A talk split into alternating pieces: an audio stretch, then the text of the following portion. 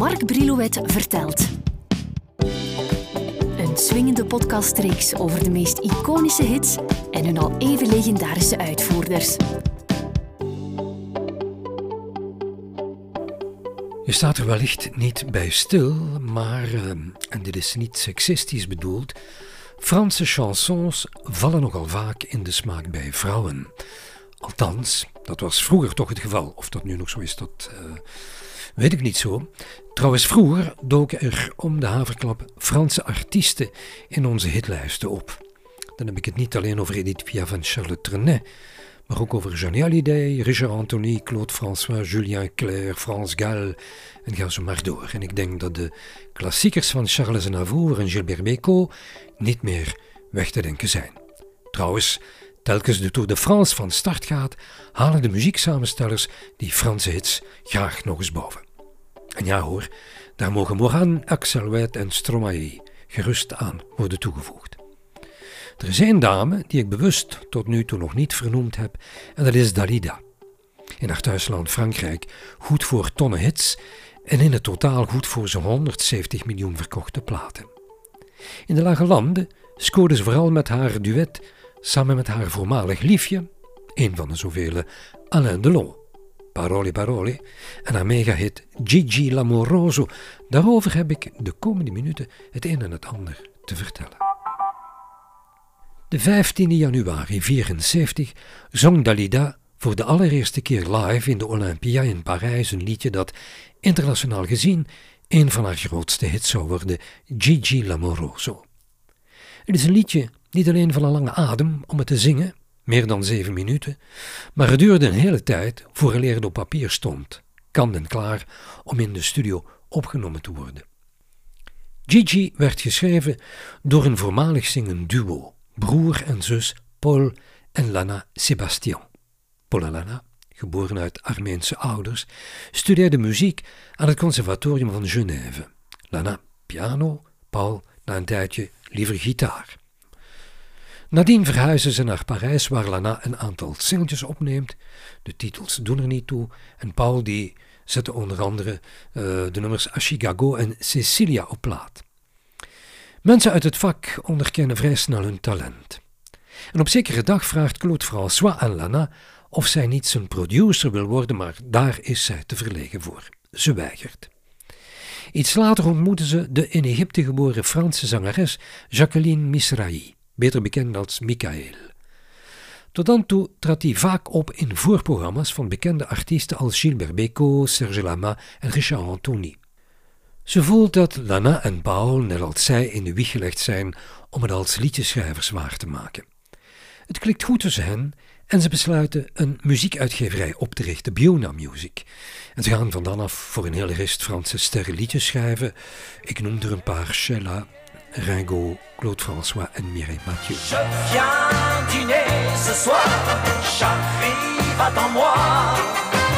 Je viens dîner ce soir, tout comme autrefois. Je te vois déjà dans l'entrée, avec le sourire que j'aimais. Ze zullen samen enorm veel betekenen voor de carrière van Dalida. Die werkte al samen met Michael sinds 1971.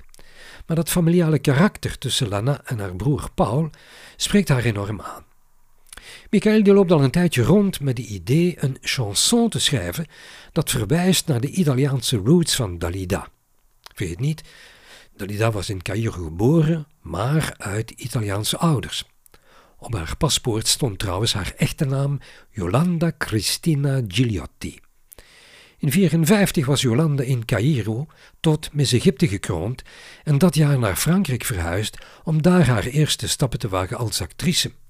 Daar blijkt ze niet uh, meteen voor in de wieg gelegd, maar men raadt eraan haar kansen als zangeres te wagen. En vrij snel wordt haar een platencontract aangeboden door Eddie Barclay, die haar aanraadt haar eerste artiestennaam Dalila te vervangen door Dalida. En ze scoort een grote hit met Bambino. Je sais bien que tu l'adores et qu'elle a des jolis yeux, mais tu es trop jeune encore pour jouer les amoureux. Michael die wil dus die Italiaanse roots van Dalida in een liedje laten klinken. Dalida die wil niks liever, net als haar broer Orlando, die zich van in het begin over haar carrière ontfermt.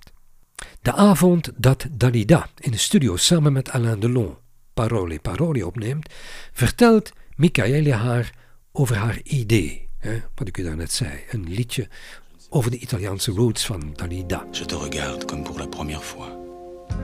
Encore des mots, toujours des mots, les mêmes mots. Je ne sais plus comment te dire. Rien que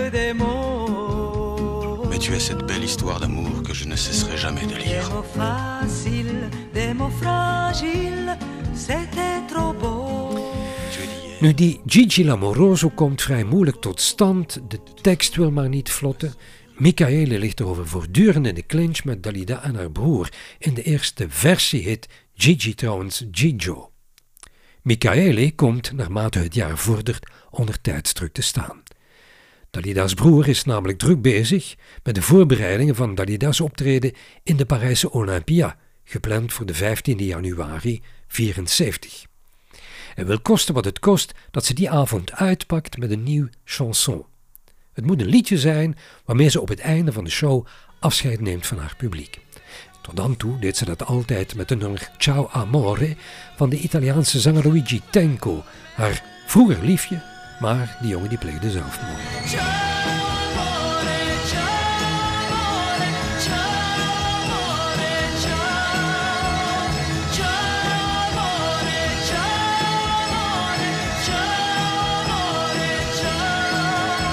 Een eigen nummer zou beter passen, vindt Orlando. Michaele vraagt aan Paul en Anna of ze voor haar melodie willen componeren waar de Napolitaanse sfeer zo van afdruipt. Ze hebben net een dijk van een hit geschreven voor Sheila en haar toenmalige partner Ringo, Les Gondoles à Venise. Laisse les gondoles à Venise, le printemps sur la Tamise. On n'ouvre pas les valises, on est si bien. Die vertelt hun ook dat ze een passage moeten voorzien waarin Dalida een gesproken tekst kan reciteren. Paul en Lana die beluisteren de dagen nadien een hele rest Italiaanse platen om toch maar de juiste sfeer te pakken te krijgen. En Lana verzint ter plekke ook een soort tekst om op die manier, dat gaat zo bij componisten, al verzinnen ze teksten als la la la bla bla bla bla, weet ik veel, om op die manier makkelijker te kunnen componeren. Vrij snel komen beiden op de proppen met een melodie en bijna even snel tovert Michaele de figuur Gigi Lamoroso uit haar pen. Tijdens een vakantie iets eerder dat jaar had Michaele in Tunesië een jongen ontmoet die Giuseppe heette, maar die iedereen in zijn omgeving Gigi noemde. De naam Lamoroso schiet haar te binnen nadat ze de film Divorce all'Italienne heeft gezien, met in de hoofdrollen Monica Vitti en Marcello Mastroianni, die ze op een bepaald moment in de film Mamoroso noemt. Het wordt voor Michaele nog even twijfelen tussen Gigi l'Americano en Gigi l'Amoroso, maar na dat geaarzel is de song uiteindelijk klaar. Nu, enkele jaren voordien hadden de Beatles met Hey Jude en Richard Harris met MacArthur Park de grens van de normale vier minuten van een single al lang overschreden.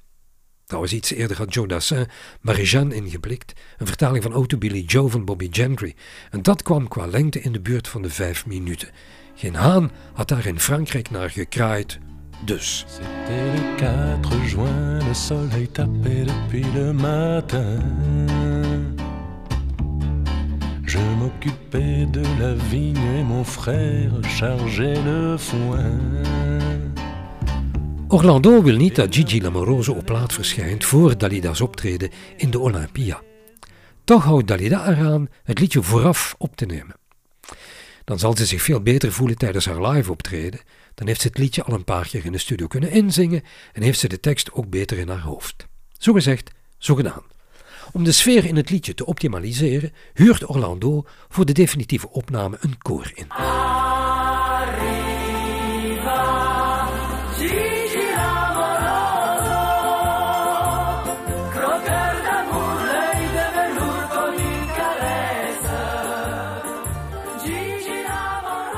Iedereen houdt de adem in voor het eindresultaat. En wat ze gevreesd hadden gebeurt ook, broer Orlando, die de productie in handen heeft, is niet tevreden. Er ontbreekt iets, maar hij weet niet meteen wat. Hij stuurt iedereen naar huis, het orkest inbegrepen, en trekt zich samen met de klankingenieur van dienst in alle stilte terug om aan de mix te sleutelen. Nog een uur later nodigde hij iedereen opnieuw uit in de studio om te komen luisteren naar wat hij voor de gelegenheid Le Bouquet Final noemt. Hij heeft tussen de Franse tekst door enkele Italiaanse woorden geroepen die die typische Napolitaanse sfeer moeten onderstrepen. En klaar is Kees. Of beter gezegd, Gigi. Tu entends? Tu les entends, Gigi? Ils sont tous là. Ils ont dû te reconnaître à la gare. Chante, Gigi, chante. C'est ton public. Chante pour eux. De 15 januari 74 eindigt Dalida met dit lied haar theateroptreden in de Olympia. Het dak gaat eraf, het publiek is door het dolle heen. Eenmaal op single stijgt het in de Franse hitlijsten naar de eerste plaats en blijft daar enkele weken. Het levert haar dubbel platina op. Dalida neemt het liedje ook in diverse talen op. In 80 verschijnt er zelfs een disco-versie van op plaat, Gigi in Paradisco, waarvan er meer dan 300.000 exemplaren over de toonbank gaan. Gigi pas sûr de lui Fallait-il seulement qu'il sourit Les anges de